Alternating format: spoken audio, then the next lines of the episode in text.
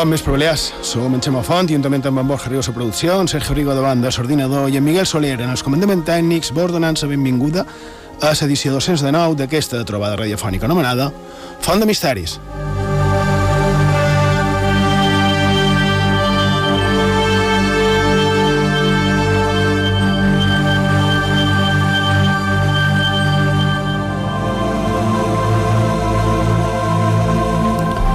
Bé, novament, gràcies pels missatges. És una satisfacció eh?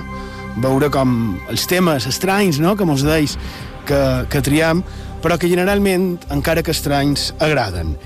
I, I principalment també jo crec que és per la cosa queixa de que un no s'imagina tot el que es pot treure d'un tema determinat. I el primer sorprès, sens dubte, de, de lo que un pot arribar a trobar, eh, són jo mateix, perquè Clar, quan proposam un tema és perquè sabem eh, que, que hi ha cosa al darrere, perquè coneixem qualcú de nosaltres, coneix qualcuna d'aquestes històries i, i les comentam, no? I sabem que, que podem anar tirant de, desfil, però és increïble la quantitat de coses que surten darrere de cada tema. I bé, Borja Rigo, bon vespre. Bon vespre. Supos que estàs fins aquí totalment d'acord. Estic totalment d'acord, i a més, el tema d'avui, que ara en Sergio supos que avançarà una mica, és un d'aquests. Exactament, perquè ha passat el mateix que ja la setmana passada també va passar, no? que, que vàrem estar parlant de molins, de moliners, de molineres i de coses que passaven en els seus voltants. No? I en el meu cas personal vaig disfrutar de preparar-ho, de cercar informació i de conèixer una mica més clar, la nostra terra, la nostra cultura i també la nostra història. I ja que sembla que no és només a nosaltres, sinó que és en general, que, que tot això ha agradat Sergio Rigo, bon vespre. Bon vespre, Xema. Què farem avui? I jo, en aquesta edició 209 de Font de Misteris, seguim xerrant de molins. Què ens dius la tradició llenca sobre aquestes construccions? Quines són les seves històries, llegendes i enigmes? Quins secrets amaguen? Quina és la seva vinculació amb el món fantàstic i sobrenatural? A més a més, com sempre, repassarem l'actualitat de la setmana món diversos i també llegirem el missatge dels oients a la secció de xarxes socials. Si ens voleu fer arribar els vostres missatges, ja ho sabeu, ho podeu fer de, de diferents formes, a través de Facebook i Twitter, cercant Font de Misteris i en premsa etiquet de Font de Misteris i B3. També a través dels WhatsApp dels programes. Número de contacte 659 769 52. Ho repetim, tenim 659 1669 52 o en el correu electrònic fontdemisteris arroba ib3radio.com també Instagram, Font de Misteris IB3 i ja sabeu, podeu escoltar tots els nostres programes a servei a la carta d'IB3 a ib3radio.com, a ivox.com i a fontdemisteris.com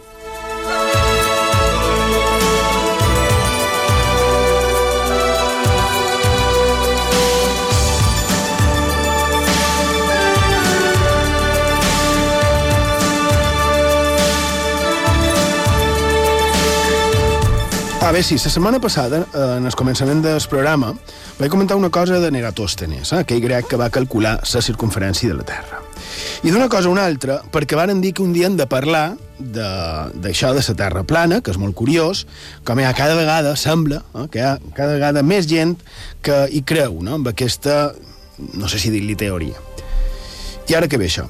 I del que parlant de molins, aquesta setmana he estat investigant, llegint i aprenent més damunt d'aquest tema. I com sempre tot està lligat. També la setmana passada diguérem que els moliners i mariners són enemics dels éssers fantàstics, eh? com els berruguets, familiars i dimonis boiats. El que en castellà serien els duendes.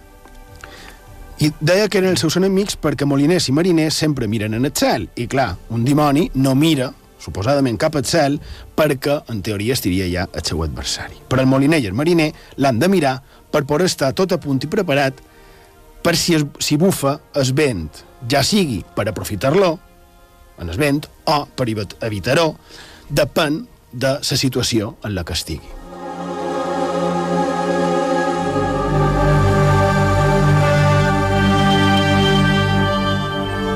I del que deia, que aquesta setmana, cercant informació, m'he trobat amb un personatge que ara que l'havia sentit anomenar per un llibre d'en Pere Galiana, i el personatge, bé, el llibre es titula Escabo Loco, el glossador del coll d'en Rabassa, i aquest glossador, anomenat Escabo Loco, a part de glossador, era ferrer, eh? final del 19, principis del 20, i és considerat l'inventor dels molins de ferro. Després supos que tractarem el tema de- d'altres tipus de molins, dels que no varen parlar. Però aquest inventor del molin de ferro, s'ha anomenat Bernat Rigo Rubí, Rigo, d'Escoi d'en Rabassa, no sé si té relació amb, eh, amb en Sergio Rigo o amb en Borja Rigo, Crec que no. No que sapiguem, però és qüestió de... d'investigador, efectivament. Que persona podria ser. Ah? Per Persona, so- per, per- per persona d'Escoi d'en Rabassa Sí. podria ser família. Bé, i de, ho demaneu en els vostres majors. I de, va fer una glosa arrel de que se li va caure un d'aquests molins, precisament, el que deia abans, per mort del vent. I deia, jo voldria que bufàs fins que la terra fos plana i en el cel que no quedàs paret ni cap part sana.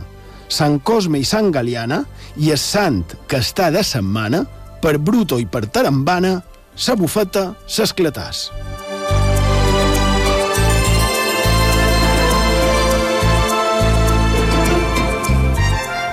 Una glosa del tot irreverent, eh? feta per mort de la caiguda d'un molí. Eh?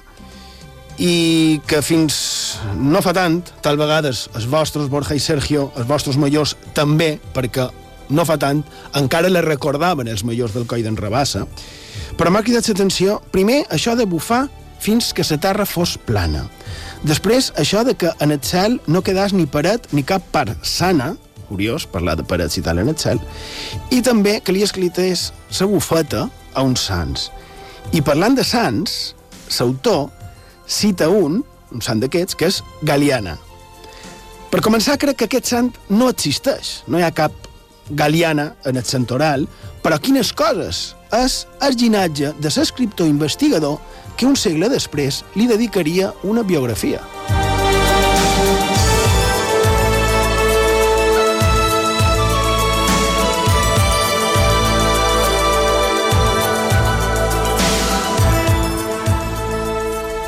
Així que més endavant parlarem de teories de si la Terra és plana o no. També qualque dia parlarem de sants que no ho són, tema també curiós, i, i bé, i també de casualitats, no? perquè això sí que és un caramull de casualitats, com per exemple, la casualitat ara ho deia per la dona Galiana, resulta que no va haver cap sant que tingués aquest nom, però sí que, justament, el primer sant mallorquí, com es deia, Galiana.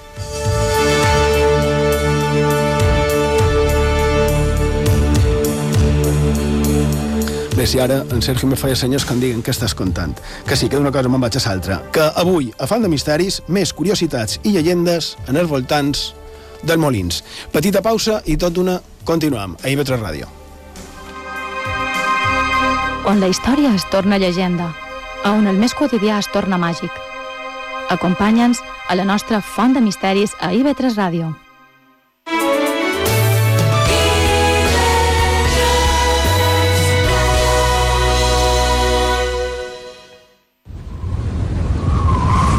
No veig res. Aquí no hi ha ningú. Ets sí, mira, allà. Són flors! És increïble, són flors! Flors en el desert. Trobant persones que fan el món millor. Flors en el desert, amb David Oliver.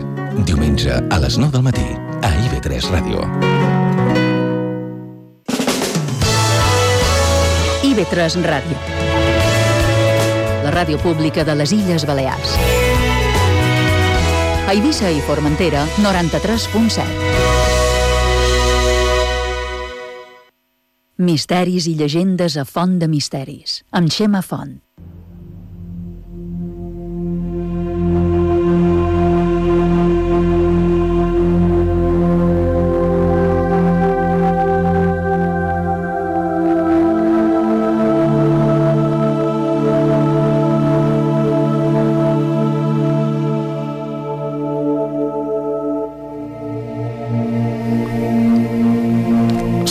Font de Misteris, a la sintonia d'IV3 Ràdio, la ràdio pública de les Illes Balears.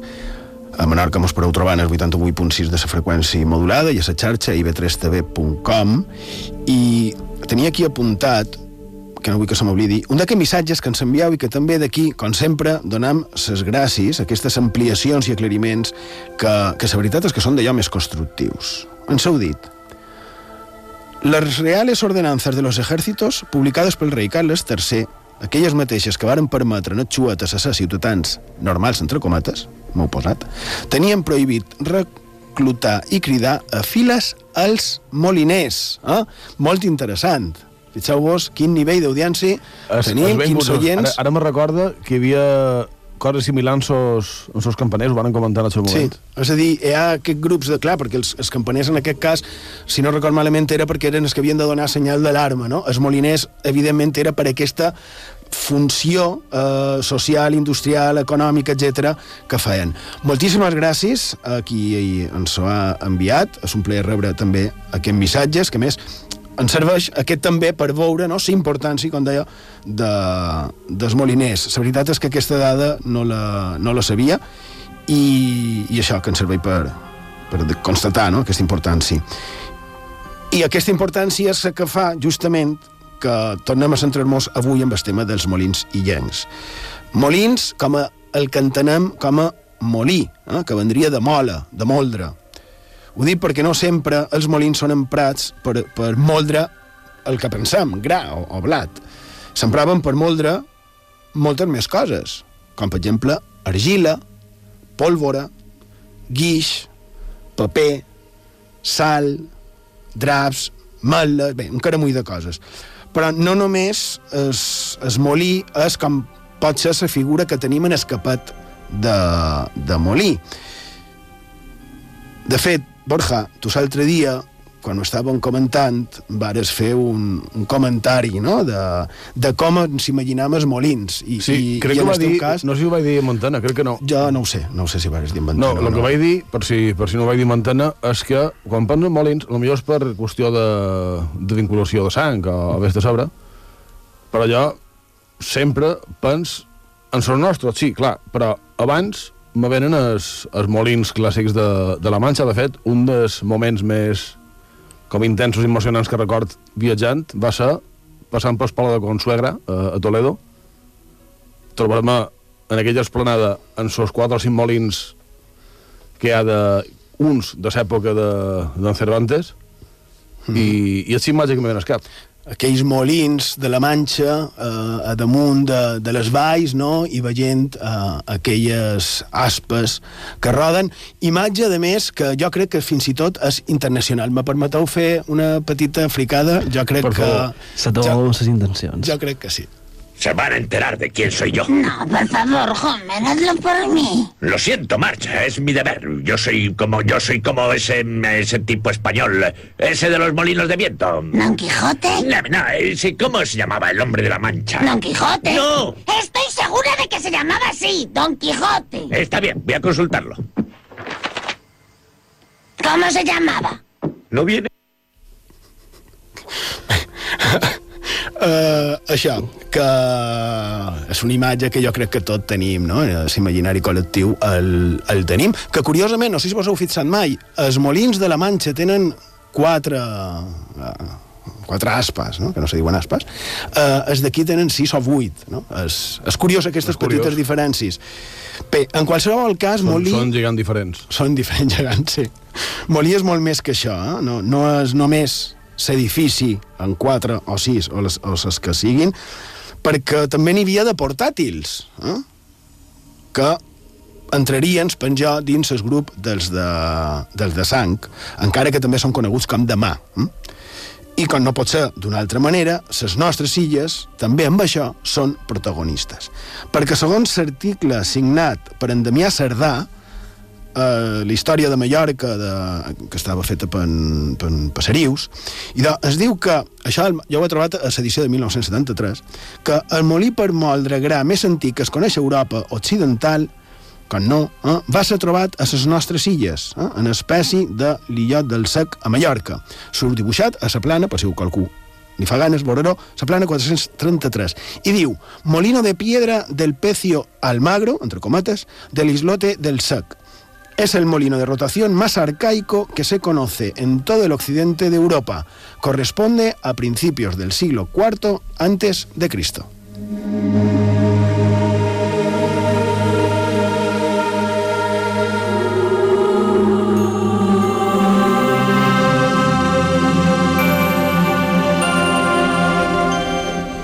I arcaics molins per moldre gra, en aquest cas trobat en els molins per fer electricitat. I clar, han passat molt de segles.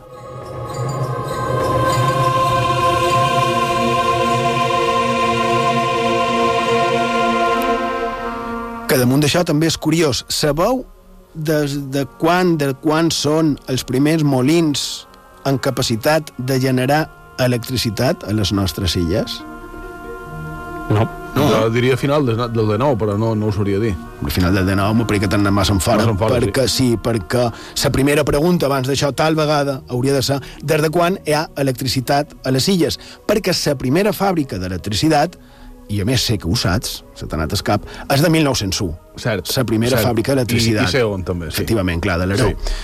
És a dir, el primer municipi llenc electrificat va ser aquest de, de la Serra de Tramuntana, i de, només 16 anys després trobam a la revista Baleares, 1917, que es varen muntar a Mallorca uns quants molins dels inventats per un tal Alberto Escolar, eh, que va redissenyar els molins per treure-li més profit i, entre d'altres capacitats, segons figura en aquesta mena de reportatge publicitari, de publireportatge, que se diria ara, que a més en paper groguenc, que, que m'agrada a nosaltres, i de, entre altres utilitats, tenia set de generar electricitat, any 1917.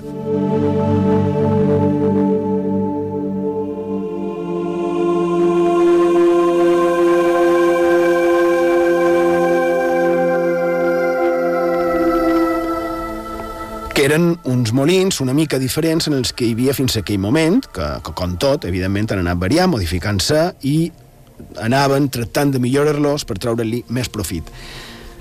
De fet, els nostres particulars tenen també, han sofert eh, eh, millores i adaptacions, no, Borja? Sí, si hem de xerrar de molins relacionats amb les nostres illes, no hauríem d'oblidar fer cinc cèntims sobre mestre Damià Reixac Amé, que va néixer en el molí de Reixac, en el Molinar, aquí de vora, de vora d'estudis de Ràdio a Mallorca, l'any 1829, moment en el qual, bé, un pot després, ho contava l'Institut que en això, hi havia d'haver 4.000 cinis d'aigua a Mallorca. Era fuster de professió, i des de ben jovenet va tenir la corolla d'inventar un nou tipus de, de molí ja que el sistema tradicional de, de cini, sobretot en el Pla de Sant Jordi, i de, havia arribat en el límit, està, està ja, que no se podia explotar més. I bé, com dit, era, era fill de moliner, coneixia molt bé els vents, i volia arribar a fer el que seria el molí de, de Reixac. Per mirar de començar per la marxa, va fer amistat amb un altre personatge ben curiós, que també hauríem d'investigar perquè és interessant, en Rafael Oliver del Lleida i capellà d'ofici. També era fill de moliner i el coneixien com a, atenció, capellà de Saigo, de ses màquines o de ses idees. Haurem d'aprofundir, eh, Sergio. Sí. sí, sí. Bé, de tot això i d'altres col·laboradors va sorgir el primer molí de Remell, que va ser el nom que va, que va agafar. Se suposa que devia ser l'any 1855, just on avui en dia hi ha l'actual edifici de, de Llesa. L'edifici aquest de Gessanes que fa referència és el que està a prop de, entre Joan Maragall i passeig marítim de, a la ciutat de Palma. Exacte. Mm. Bé, i què tenien de particular, aquests molins? I per una banda, segons pareix, s'havia partit d'una idea inicial d'un fuster marratxiner, en Martí Barrera, que es feia amb pales de, de tela, les vuit pales que deies tu fa un moment. Sí, sí, són vuit, sí. Mm. Més sis, normalment. Aleshores, canvi passa la substitució de les pales de tela per pales de fusta que un podria pensar que potser pesa massa i no se podria moure bé, però el resultat va ser francament bo i la incorporació d'una coa en el, en el molí. Així crec que més o manco quedaria configurada la imatge que mos ve a ment, els que no pensen en molins de, de consagrà com jo, sinó dels nostres molins, eh, bé, i des que, des que des poc que mos queden encara.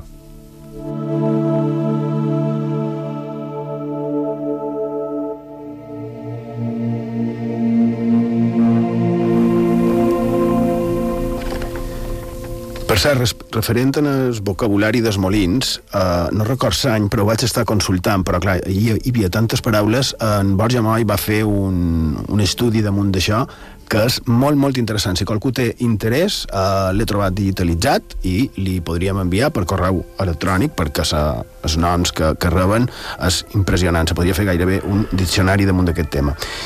I són paraules que, evidentment, ja estan gairebé perdudes. En qualsevol cas, dèiem eh, lo dels molins. Són indrets eh, màgics relacionats eh, amb els familiars, amb dimonis boiats, ja van comentar un parell de contarelles, però no només això. També, a part de bruixes, que també ho diguérem, hi ha casos de fantasmes. Eh? Això també, com un que va quedar recollit a premsa de, de l'època, això era a Manacor, l'any 1813. Exactament dia 14 de maig, ara aviat farà temps d'això. I la nota de premsa aquesta ens diu que un missatge d'Espredi de Son Moix, diu que era Manacor, aquesta possessió, va denunciar que en aquella finca li va sortir una por. Mm? Una por, diu, que és com un, com un fantasma, la manera que Mallorca també se defineix fantasma, i diu que tenia aparença de dona, que li sortia a diferents indrets de sa finca, fins i tot fent feina en el camp i a l'església, i en diferents ocasions. I es dirigiren cap a aquella aparició fantasmal, que dijese lo que quería, si era buena y si mala, se fuese a los abismos. Respondió que no podia articular-le tales palabras. No sé com li va respondre que no podia articular les paraules aqueixes. Bé, torna a sortir o aparèixer diverses vegades més, diu que en una ocasió en traje de mujer vestida de negro con un delantal blanco y en medio de él una cruz negra con la cara muy blanca. No, no deia, no reconeixia aquest testimoni, el qui contava aquesta història, i no reconeixia si pogués saber qui era aquella, aquella fantasma, y fins y tot li va demanar, dime quién eres y lo que pides. A lo que respondió la fantasma que no era aún tiempo de decírselo y que prosiguiese en su buen camino y que ya se lo diría. Li va advertir de que passarien coses estranyes i va desaparèixer. Després diu que si se li tornava a aparèixer pels camins, en diverses ocasions, i això és el que en el seu dia me va cridar l'atenció, perquè diu y otras veces le salió por el camino acompañándole hasta las cercanías de los molinos, habiendo de, de, tanto en cuanto gemidos de la fantasma y sin poderle hablar palabra alguna, estando muy alterado y confuso, que no es per manco.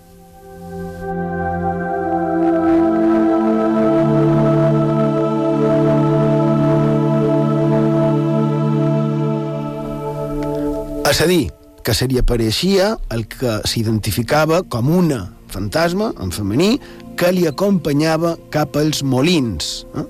que tenen de màgic, d'encisador, d'enigmàtics, els molins.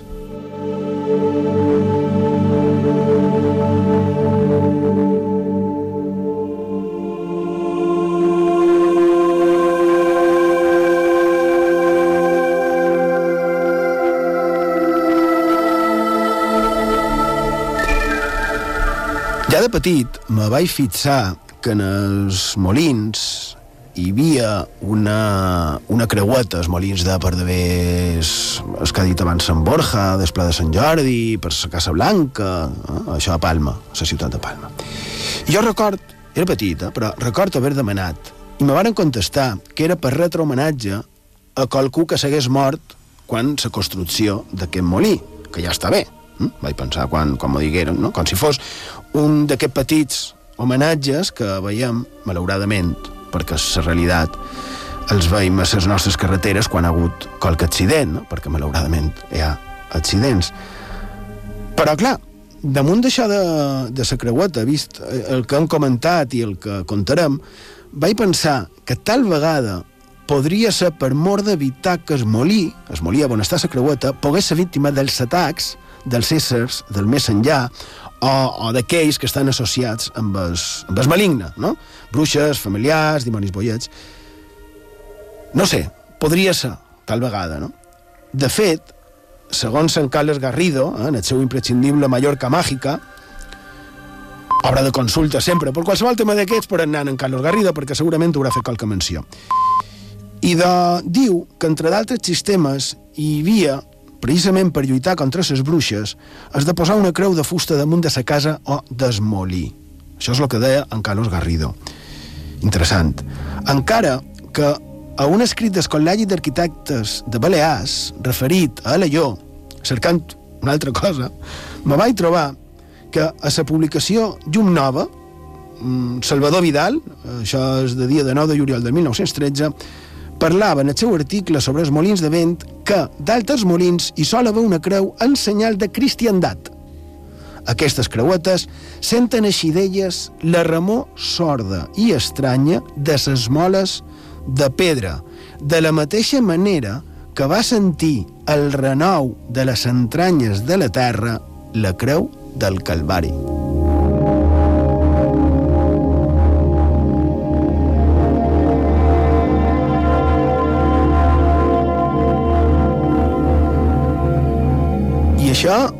De sa remor sorda i estranya de ses moles de pedra, no vos recorda, Borja Sergio, un poc en això que varen comentar d'aquest sistema per desencisar en els infants que varen comentar la setmana passada? És, és curiós, la veritat és que ara t'escoltava i m'ha cridat molta atenció és, sobretot el detall de, de l'escoltar lo de la creu del Calvari, de veres, és com a... El renou de les entranyes de la terra de la creu del Calvari, vull dir, és, és brutal. Recordem que vàrem dir que per desencisar nins i nines el que feien era dur-los a la nit de Sant Joan a escoltar la mola mentre es volta, precisament, probablement, per aquest tipus de renou. En qualsevol cas, pens que mos serveix no? com a mostra, com a recordatori, si voleu, de la part màgica, misteriosa, desconeguda, no? d'aquestes molt més que construccions relacionades amb la nostra folklore, la nostra cultura, la nostra tradició, i també, clar que sí, amb històries amb una mica de, podem dir que de por, com aquesta. I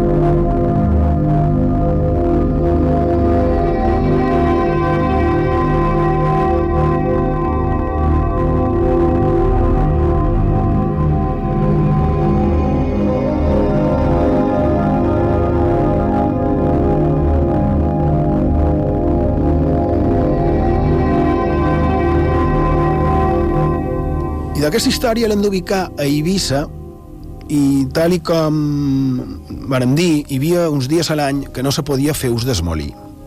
Com, per exemple, el dia del patró de, dels moliners o dels molins.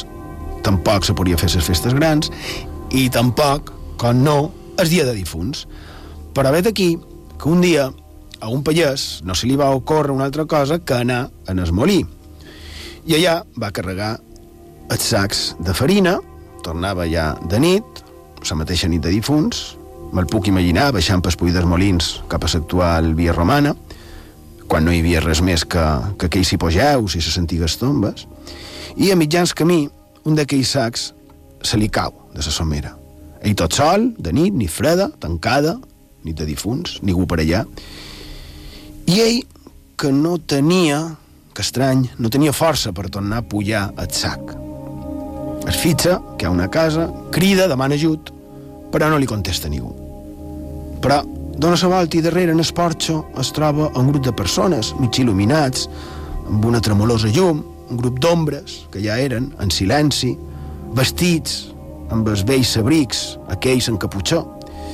I un d'ells se li atraca i li dona un cop de mà. I Mientras cargaban el saco, le llamó la atención al payés la manera extraña y siniestra como le crujían los huesos al del capuchón, y su empeño en ocultar el rostro al amparo del capuchón. Diole, sin embargo, las gracias, y aquel le respondió con voz cavernosa que solo por amor de Dios le había ayudado, y que no olvidara nunca que el día de difuntos no era día de trabajo, y sobre todo que no mirara atrás.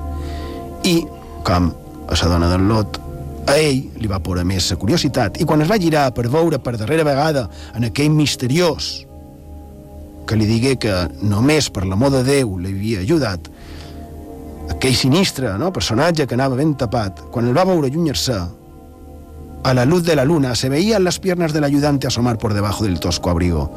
Eran las de un esqueleto, secas, lívidas, con ruido de castañuelas, bailándole en los mondos pies las esperdañas.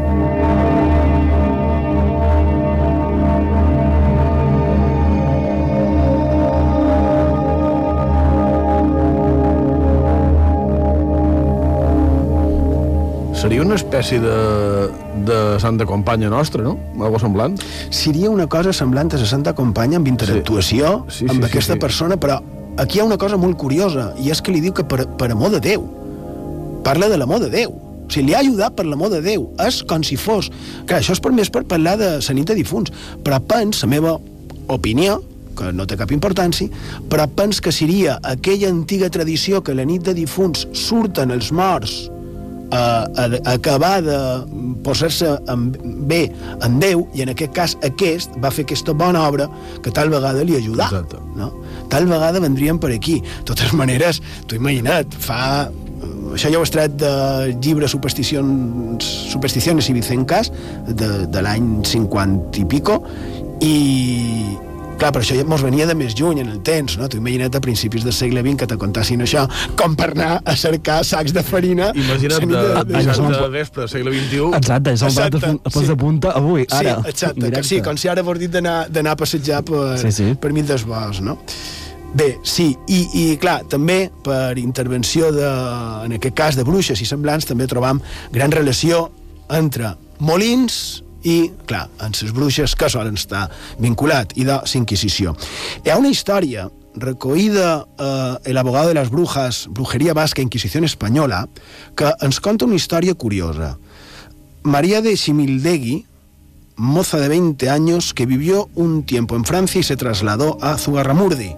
a Navarra.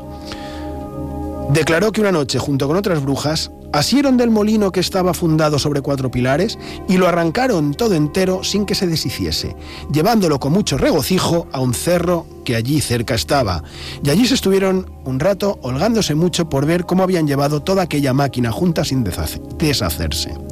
Y hubo grande risa entre todos, porque la dicha Graciana de Barrenechea y otras de su edad, que es más de 80 años, como trabajaban mucho para llevar tan gran máquina, iban diciendo, aquí mozas y en casa viejas. Habiéndose holgado un rato, volvieron el dicho molino a su propio asiento y dejando desbaratada la rueda y el rodete derribado en el agua y la muela puesta en lo alto del molino.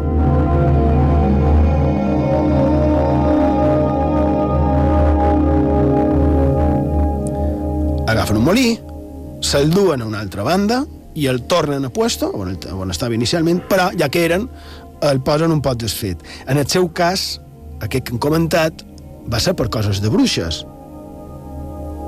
Mai millor dit, clar. Però coneixíeu un cas a Mallorca més lògic, però tal vegada més sorprenent?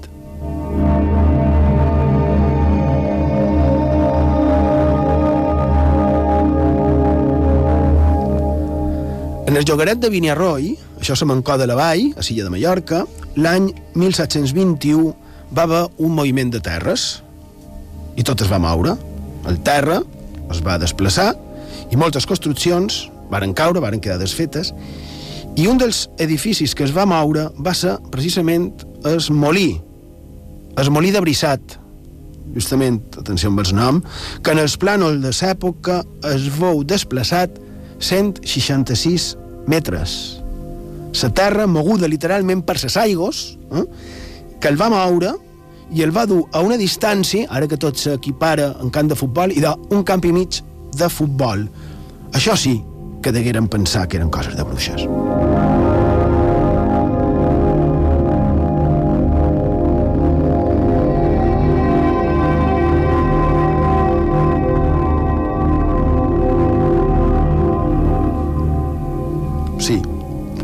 Pot, dir. Sí, sí, era un poblat que fins fa un parell d'anys estava...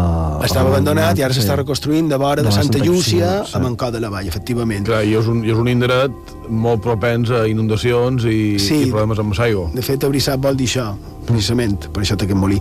Que era, com a mínim, aquest molí era del segle XIII, eh? si no abans. És a dir, que probablement ja estava ja en el temps islàmics.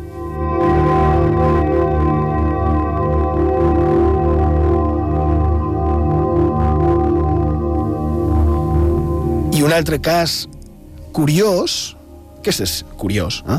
de moviment d'un molí és una mica més contemporani i més actual.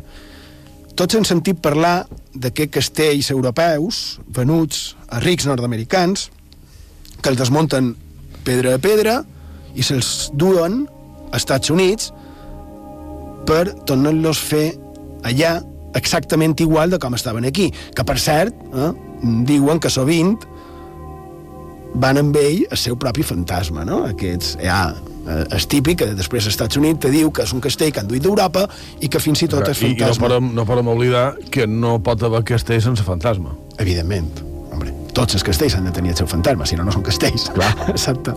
I de... Bé, però això del fantasma ara seria una altra història. Però segons publicar eh, la publicació Los Molinos de Menorca, a la revista, a la revisteta Panorama Balear, en Deseado Mercadal, diu que per devers els anys 30, un senyor de Colera, per devers Figueres, a Catalunya, s'endugué un molí menorquí, pedra a pedra, i el va fer funcionar. I per això va contractar a un tal Antoni Pons, del molí d'en Nadal, per fer-ho. El molí que se'n va dur, crec que era el molí de vent de Sant Pere Nou. Eh? És una història una miqueta rocambolesca, no? No ho trobeu? És que és molt curiosa.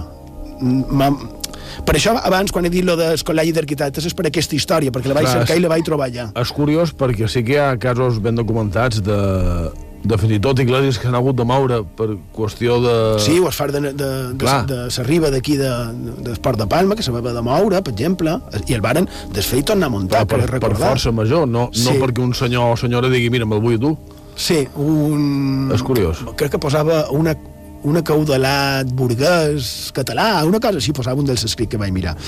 Bé, en aquest cas, a part de ser d'època més moderna, el moliner se suposa que va decidir vendre-lo i fins i tot, tal vegada, el propi moliner va ser el que hauria reconstruït no, aquest edifici, però en circumstàncies normals, el moliner el que havia de fer era estar en el seu molí, sempre pendent de, del temps, del vent. No? Era el gran meteoròleg del passat, al igual, com hem dit abans, del mariner.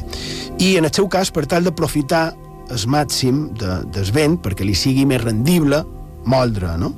Però també, també, clar, per tal d'evitar que es pugui fer malbé el seu molí o les antenes, eh? de, del molí o els mecanismes precisament pel vent. No? Evidentment, si en lloc de simplement una mica més de vent de l'habitual parlant d'huracans, res es podria fer.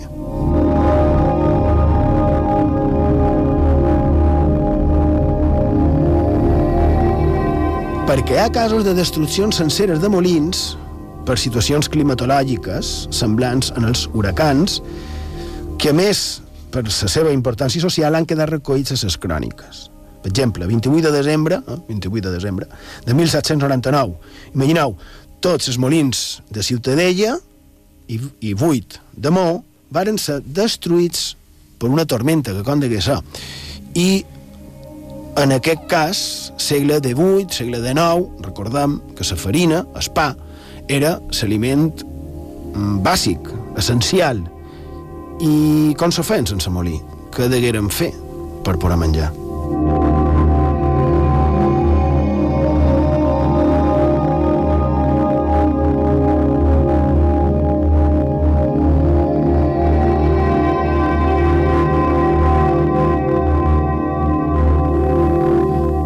Probablement ho degueren solucionar amb els molins de sang, eh? aquells que són activats, activats per vistis o per persones que eren més casolans, i un exemple d'aquests molins com a casolans mos han d'anar a l'any 1330. Això ho va publicar el pare Llompart, un altre d'aquest que, si no, no ha trobat ell, no ho troba ningú. Mm, En aquest cas, 1330 va haver fins i tot un judici, això va ser Palma, perquè un ferrer deia, un ferrer de, de professió, deia que no podia dormir perquè, molt resumit, de vora casa seva hi havia un que tenia un molí de sang que el feia funcionar de nit amb esclaus. Els esclaus de dia els feia fer feina por ahí i els vespres els se tenien donant voltes en el molí de sang. I el renou no li deixava dormir. Hi va haver aquest judici per un molí instal·lat a un pis, no a la planta baixa. Mm? Fins i tot es va comprovar que no hi hagués perill de que caigués, de que passàs per ull sa casa, 1330. Eh?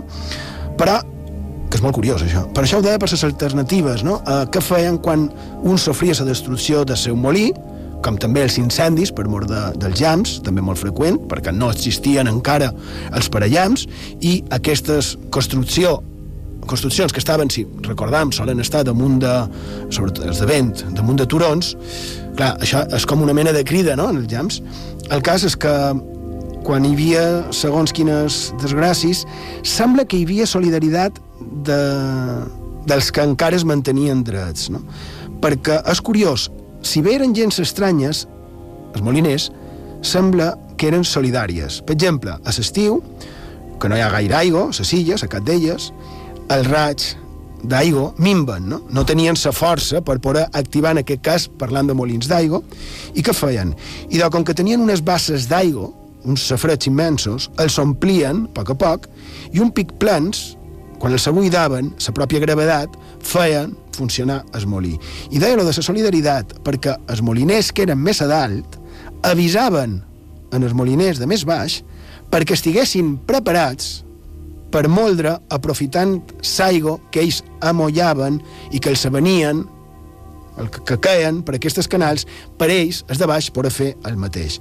Eren competència, sí, però s'ajudaven, com ha de ser.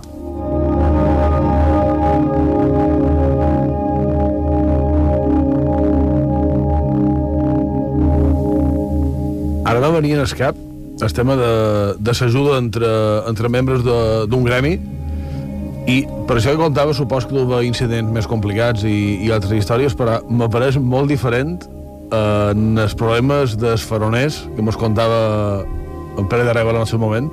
No sé si recordeu que sí. eren, era, era més complicat. Bastant més complicat. No s'ajudaven tant. No, la convivència a vegades sí, no? Però bé, ha de ser difícil conviure.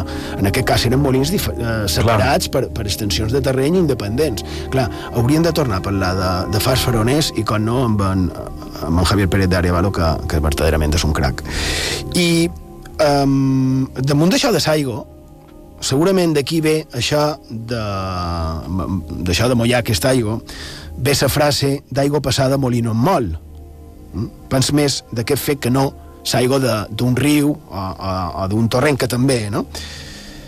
Però damunt d'això de, de mollar l'aigua hi ha, per exemple, molta cosa, però hi ha una altra llegenda que, com no, torna a tenir com a protagonistes en, es, en aquest que es coneixen com a familiars barruets o dimonis boiats.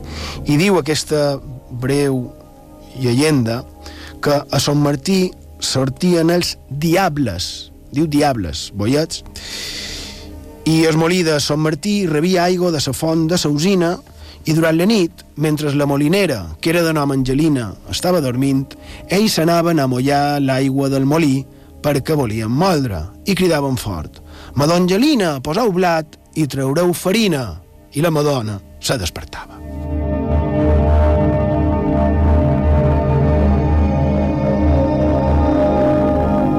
I això ho deia per la de mollar l'aigua per ajudar en els altres, no? Sembla que amb això, com dèiem, eren solidaris i, malgrat això, se'ls tenia en els moliners com a, com a mala gent, com a, una mica com a lladres, perquè deien, hi havia qui deia, que manipulaven ses romanes, ses, ses balances no?, que tenien, per tal de poder llevar una miqueta de gra a qui anava a moldre deia, per exemple, 100 sastres, 100 teixidors i 100 moliners, 300 lladres. Això és una frase que hi havia. Una altra glossa, en aquest cas, que diu quan Cristo fou testament, en lo seu poder deixar que en el cel no hi pugui entrar notari, ni escrivà, ni cap moliner de vent.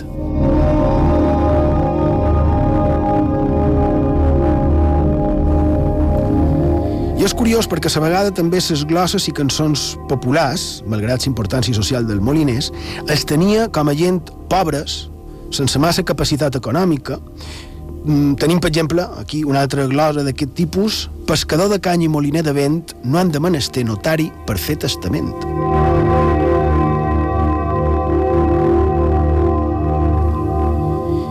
I ara que dir lo del testament, per anar acabant, anem amb un parell de casos, si dona temps, de, de morts. Eh?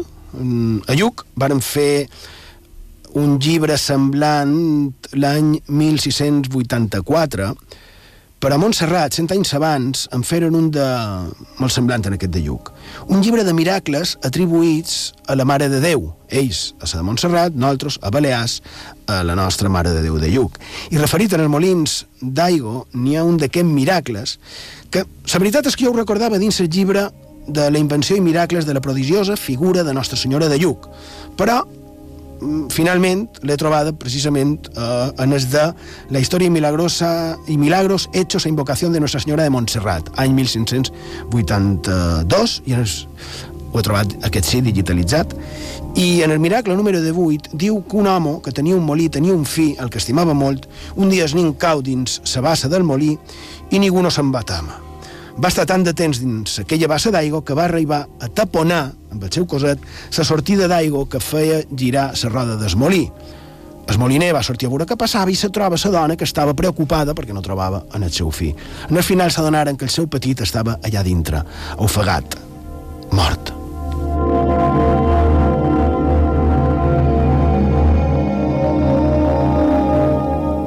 La madre vio tan grande desastre y desventura, empezó a llorar dando grandes voces y sus vecinos la consolaban, y aparejaron las cosas necesarias para el enterramiento del niño e hicieron tañer por él.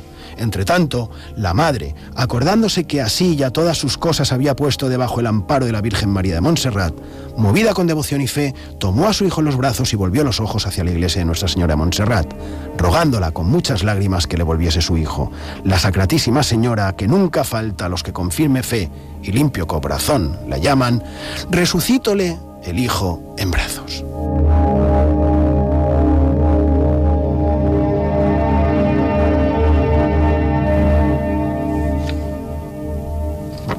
Acabam amb aquest text, si me permeteu.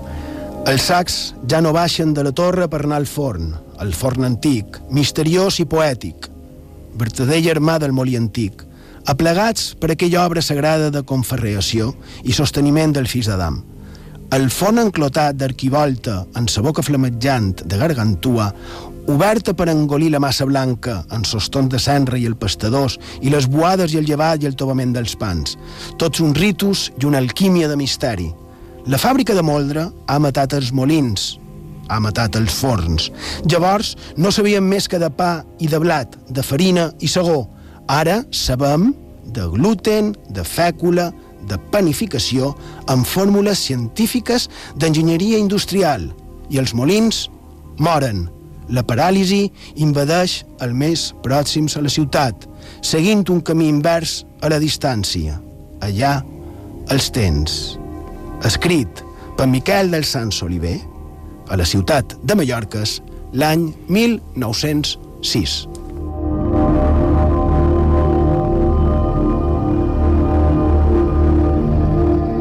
A IB3 Ràdio, Font de Misteris, amb Xema Font.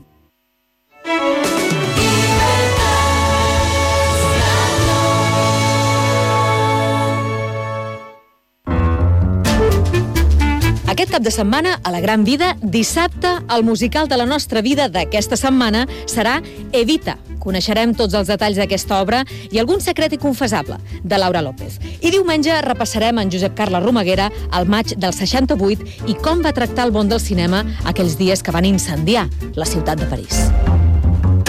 La Gran Vida, dissabte i diumenge a les 11 del vespre a IB3 Ràdio. IB3 Ràdio. La ràdio pública de les Illes Balears. Alcúdia, Andratx i Solla, 89.2.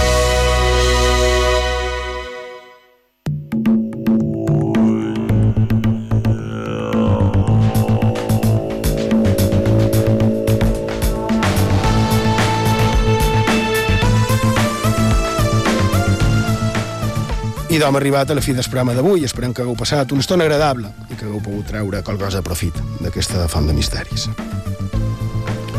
Una donzella, filla d'un moliner, demanà en es confés si havia de casar-se. Es confés no se volgué comprometre i li aconsellà no teniu molí a que vostre i d'escolta lo que diu es molí que t'aconsellarà per bé. Mai l'he escoltat, va respondre ella. I d'on no serà mai, escolta'l. La jove escoltà el molí en marxa i, com és natural, el molí li parlà segons es decidit d'ella. Ben clar i ben net i ben espès que ho deia el molí, per més que els molins, en moldre, pareixi que han de tenir la vea regullada. Casat, casat, casat, i se va casar.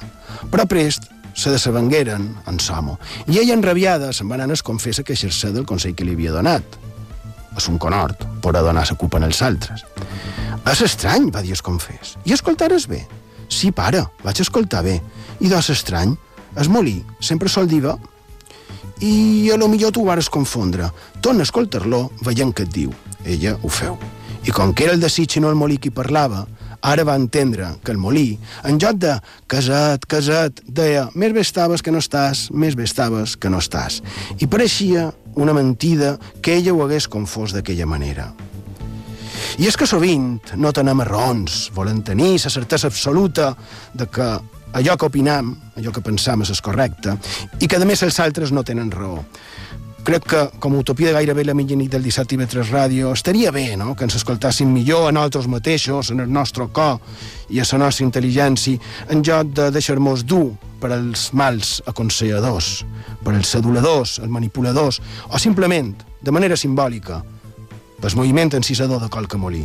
Perquè en el final, la realitat és la que és. En definitiva, no ens deixem embaumar pels cantos de sirenes. Imma Serrano, Cantos de Sirena. Allí, Pau, bona nit. Gràcies per la vostra companyia i fins la setmana que ve.